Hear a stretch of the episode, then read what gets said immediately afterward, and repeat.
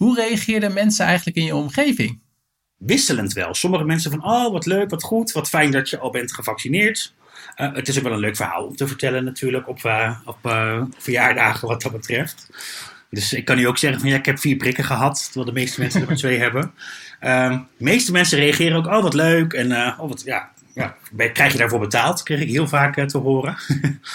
nou dan krijg je dat wel, maar niet zoveel ook weer. Het is echt een onkostenvergoeding.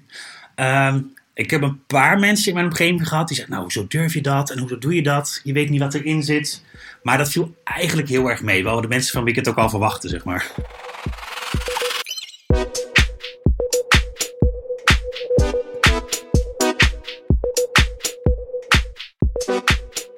Dit was een deel van mijn gesprek met Gideon van Wingerden. Hij was proefpersoon in een onderzoek naar het CureVac coronavaccin. Je hoort straks het hele gesprek. Dit is namelijk een intermezzo, een bonusaflevering. In februari 2016 ben ik begonnen met podcasten, toen onder de naam Project Levensshow. En nu zijn er al 115 afleveringen online en is de naam al twee keer gewijzigd. Anyway, vorig jaar werd ik ook gevraagd om podcasts voor klanten te maken. Zo maakte ik de show Ikigai voor de Nederlandse Organisatie voor Wetenschappelijk Onderzoek, de NWO. En vorig jaar produceerde ik een aflevering over data en technologie voor de Nederlandse Zorgautoriteit, de NZA. En dit jaar maakte ik ook een speciale podcast voor het Wenkenbach Symposium van het Zuidland Medisch Centrum in Heerlen. En dan nu een speciale podcast die ik heb gemaakt voor de Nederlandse Medicijnautoriteit. En een deel van deze podcast herken je misschien wel uit mijn boek Supermens. Maar daarnaast sprak ik met een proefpersoon aan een onderzoek naar een mRNA-vaccin, dat hoorde je net in de intro, over zijn ervaringen met het hele traject. En ook interviewde ik professor Maatje Schermer over de medische ethiek van mensverbetering. Het idee was dat de deelnemers van de online collegedag met webinars en ook online panels naar deze speciale podcast konden luisteren tijdens een pauzewandeling.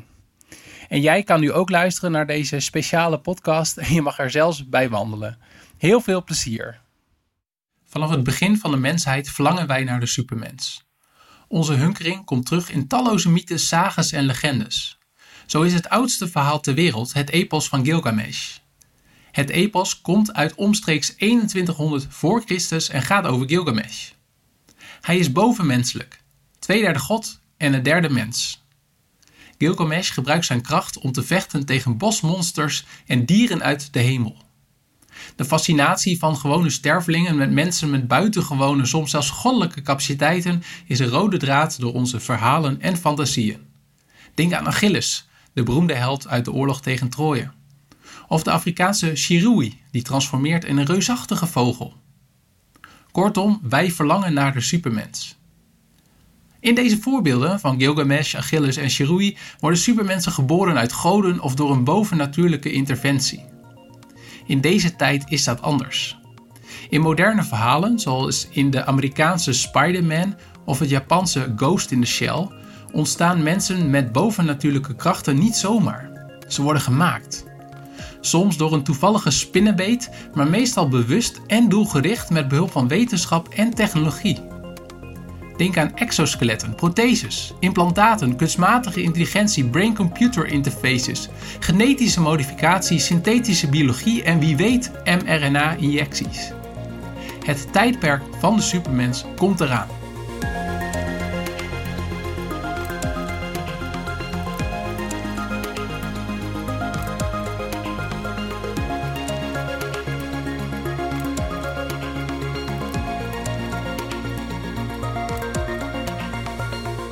Welkom bij deze speciale podcast op de Collegedag 2021 van de Nederlandse Medicijnautoriteit CBG. Mijn naam is Peter Joosten. Ik ben wetenschapsjournalist, podcastmaker en biohacker.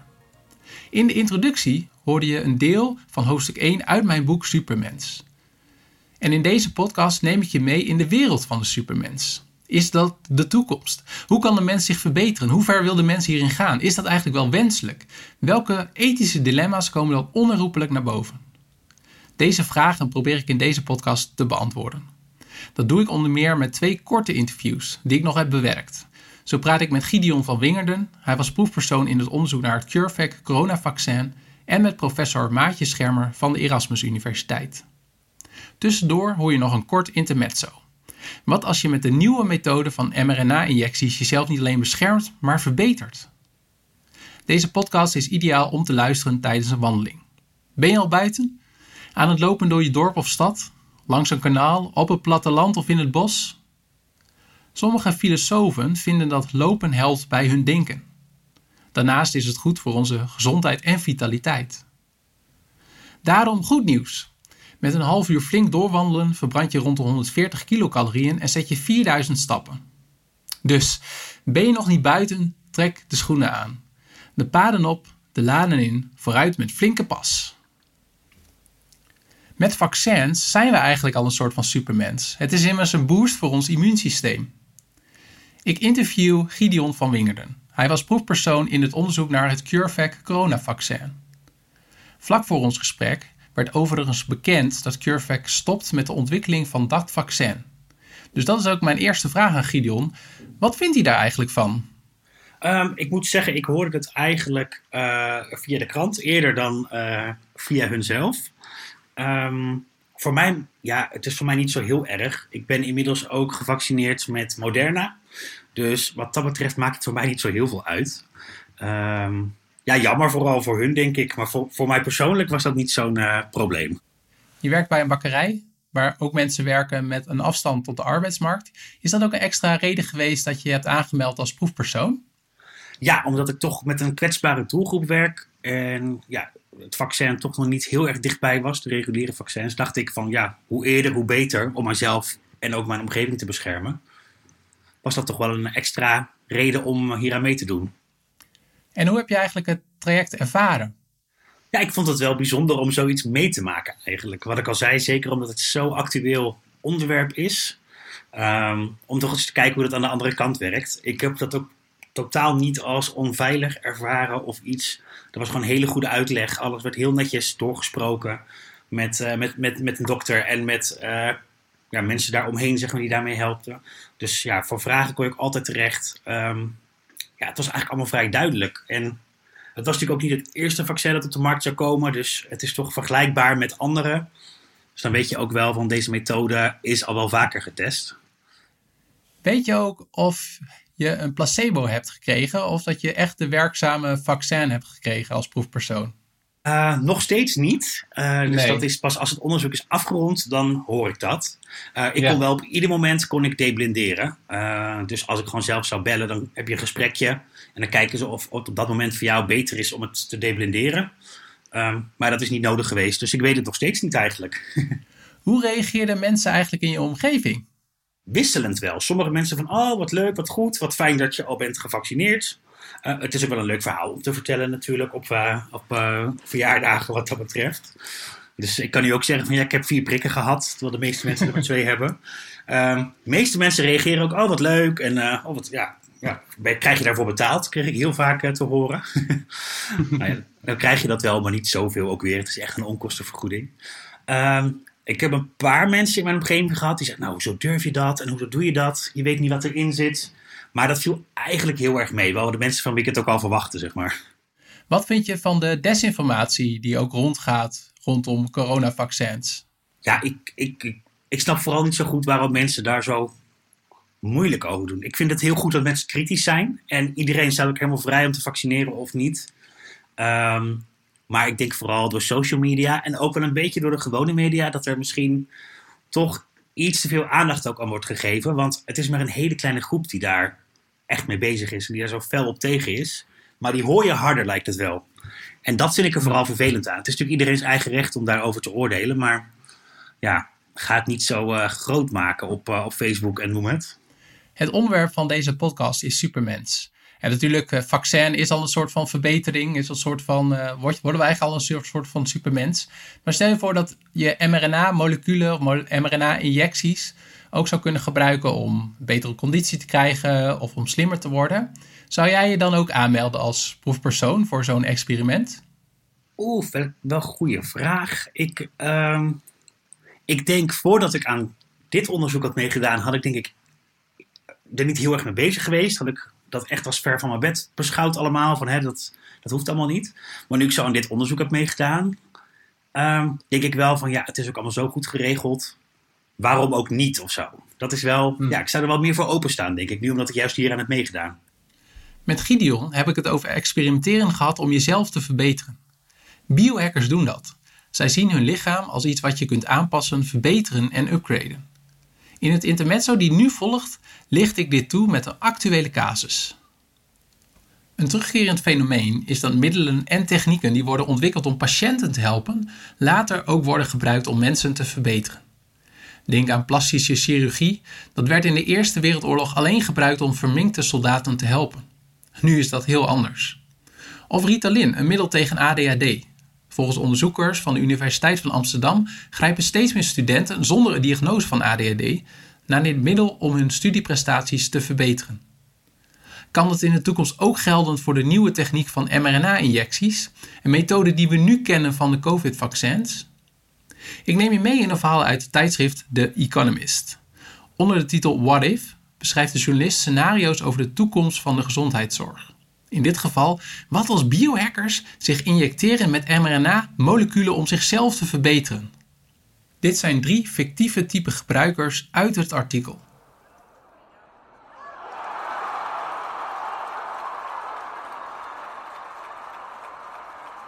Voorbeeld 1. Het gerucht gaat dat er tijdens de Olympische Spelen van Parijs in 2024 er atleten zijn die met illegale mRNA-injecties meer rode bloedlichamen hebben aangemaakt. Meer rode bloedlichamen betekent meer zuurstof naar de spieren en daardoor betere sportprestaties. Een soort EPO.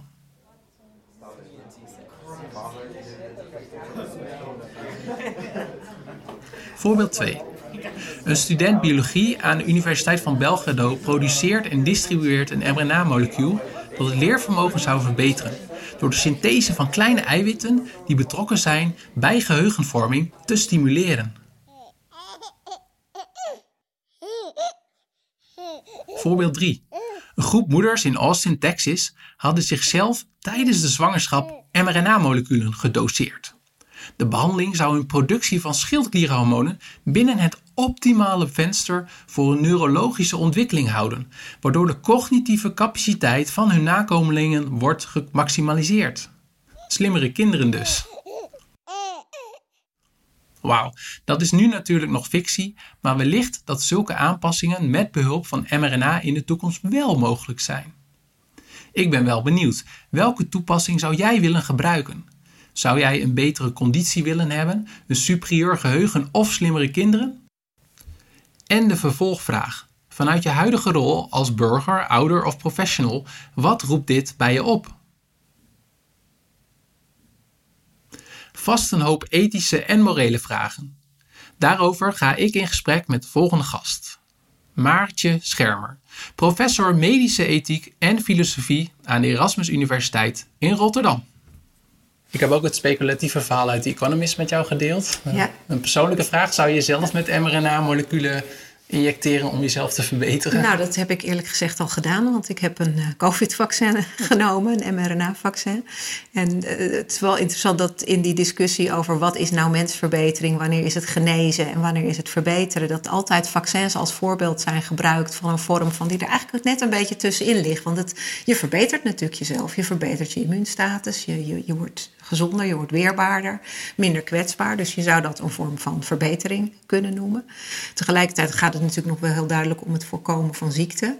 Uh, dus die link met, met ziekte en gezondheid is nog wel heel duidelijk aanwezig. Dus vandaar dat het een beetje tussen ja, genezen en verbeteren in zit, uh, zou je kunnen zeggen. Uh, maar ja, gezien dat vaccin en wat het doet, ja, kan ik niet zeggen dat ik daar een principieel bezwaar heb om zo'n soort middel te gebruiken. En in het, in het verhaal gaat het erover van uh, dat dan in de toekomst dat uh, biohackers dat gebruiken om uh, fysiek beter te presteren of cognitief beter te ja. presteren of voor hun nageslacht. Um, is dat een, een, een, een, iets wat je vaker ziet rondom medische ontwikkelingen en medische technologie? Uh, ja, je ziet natuurlijk vaker dat uh, middelen ontwikkeld worden, technieken, middelen om bepaalde ziektes te genezen of tegen te gaan. En dat dan vervolgens blijkt dat ze ook uh, gebruikt kunnen worden om mensen nog wat verder te verbeteren. Of dat, dat daar die opties er komen. Je ziet dat bijvoorbeeld heel duidelijk in de cosmetische chirurgie. De plastische chirurgie is ooit ontstaan na de Eerste Wereldoorlog. Toen allemaal soldaten met afschuwelijke gezichtsverwondingen van al die granaten. De, de, gewoon, eh, dat gingen ze toen voor het eerst opereren. Dus gezichten proberen te reconstrueren. Puur echt om die mensen ja, enige, enige vorm van herstel te geven. Maar uit die technieken is uiteindelijk wel de onze mogelijkheid tot cosmetische verfraaiing. Tot een mooiere neus en een wat slankere kin of whatever je allemaal uh, zou willen voortgekomen. Dus je ziet dat wel vaker. Um, ook als je het over cognitieverbeterende middelen hebt, dan wordt bijvoorbeeld vaak gekeken naar middelen die voor ADHD gebruikt worden, waar je concentratie van zou kunnen verbeteren, of middelen uh, die bij Alzheimer gebruikt worden, om te kijken of dat ook gewone gezonde geheugens wat op kan peppen. Dus je ziet wel vaak uh, ja, een verschuiving van, of een uitbreiding van uh, gebruik van middelen, technieken, die ook richting verbetering kunnen gaan. Ja. ja, dus dat zou speculatief zou dat ook met mRNA. Dat zou ook met mRNA-injecties kunnen. Nou ja, wat, wat in, het, uh, in dat fictieve verhaal naar voren komt, hè, middel wat dan uh, EPO uh, nabootst ja. of, of, creëert. nou ja, dat is eigenlijk ook op zichzelf al een goed voorbeeld, want EPO is ontwikkeld als geneesmiddel voor nierpatiënten die te weinig dat zelf maakten. En is vervolgens opgepikt door sporters die dachten: hé, hey, hier kunnen wij onze prestaties mee verbeteren. Hmm. Dus ja. Dat, dat, is niet zo, in die zin niet zo heel veel nieuws eigenlijk. Nee, nee, Wat zijn manieren voor wetenschappers, bestuurders en professionals om hiermee om te gaan? Uh, ervan uitgaande dat, dat, dat die verbeteringen, of dat nou met mRNA-technologie is of iets anders. Um, ja, heb jij manieren of handvatten of raamwerken of tips?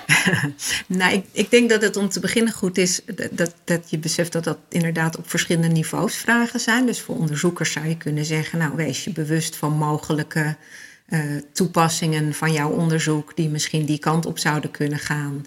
En uh, nou ja, niet dat je daarom je onderzoek niet zou moeten doen, maar wel, ja, denk, denk daar ook af en toe, hè, denk daar ook eens over na, sta daarbij stil, heb het daar met elkaar eens over. Van, goh, willen we die kant wel op? Waarom doen we eigenlijk onderzoek naar genen voor intelligentie?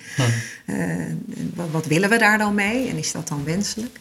Uh, ik denk voor overheden, bestuurders, dat het belangrijk is om in, in allereerste instantie op volksgezondheidsvraagstukken te letten. Dus gewoon is het veilig, is het effectief? Gaan we bepaalde middelen toestaan op een vrije markt? Of gaan we daar voorwaarden aan verbinden? Gaan we het voor bepaalde groepen uh, ter beschikking stellen? En uh, behalve veiligheid is, is dan ook die gelijkheid of ongelijkheid, denk ik, heel belangrijk. Van creëer je grotere ongelijkheden in de maatschappij? Uh, als je het voor bepaalde groepen toestaat of niet. Ik denk dat dat dan wel een belangrijk uh, vraagstuk is. Ja. Hm.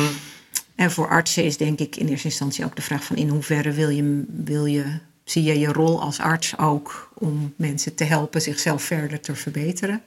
Of wil je als arts je gewoon beperken tot het uh, genezen of uh, voorkomen van ziekte? Is het ook die, die drang naar verbetering, is dat dan is dat ook meer een symptoom van de, ja, de prestatiemaatschappij of maatschappelijke ontwikkelingen? Zie jij dat ook? Ja, dat zie, ben ik steeds sterker zo gaan zien, inderdaad. Ik, ik denk wel dat we, en dat is voor mij ook wel een reden om, om er ook wel, uh, ook wel toch terughoudend of kritisch over te zijn. Mhm. Dat je nu al ziet dat we elkaar uh, enorm opjutten om altijd maar meer te doen, harder te werken, hogere prestaties te halen aantal burn-outs onder studenten. Uh, dat is ook schrikbarend. En niet alleen maar door COVID, maar daarvoor ook al gewoon vanwege de enorme druk op presteren. En uh, zowel op cognitief vlak, maar ook op, uh, op Instagram of waar dan ook. Dat je er altijd mooi genoeg uit moet zien en in alles perfect moet zijn. Ik denk dat die druk naar, drang naar perfectie ook heel schadelijk kan zijn wat dat betreft. Dus dat zou wel een reden zijn om met elkaar het gesprek aan te gaan. Ja, hoe willen we nou allemaal dat hele perfecte? En worden we daar nou uiteindelijk of ongelukkiger van en betere mensen van? Of presteren we alleen op bepaalde vlakken beter? Is dat nou eigenlijk het ultieme belang? Dit is mijn conclusie. Elke keer zullen ethici, maar vooral wij ook als individu en als samenleving, moeten nadenken over het toelaten van nieuwe toepassingen die de wetenschap ons biedt. Innovatie, wetenschap en technologie gaan door. En daarom is ethiek nooit af. Daarbij zit het zoeken naar het bovenmenselijke in ons als mens. Daarvoor kom ik weer terug bij Gilgamesh. Na het onverwacht overlijden van zijn beste vriend Enkidu zoekt Gilgamesh wanhopig naar het recept voor onsterfelijkheid. Op zijn barre zoektocht wordt Gilgamesh een soort van wildeman, gekleed in een leeuwenvel en met holle wangen. Na veel omwegen spreekt hij met zijn voorouder Utnapishtim, de onsterfelijke overlevende van de zondvloed. Die vertelt hem dat er geen oplossing is voor de dood, geen uitweg. Het eipas eindigt zoals het begon, met een loflied op de stad Uruk. En Gilgamesh, die toch tweederde god is, kan de dood niet verslaan in het oudste verhaal van de mensheid.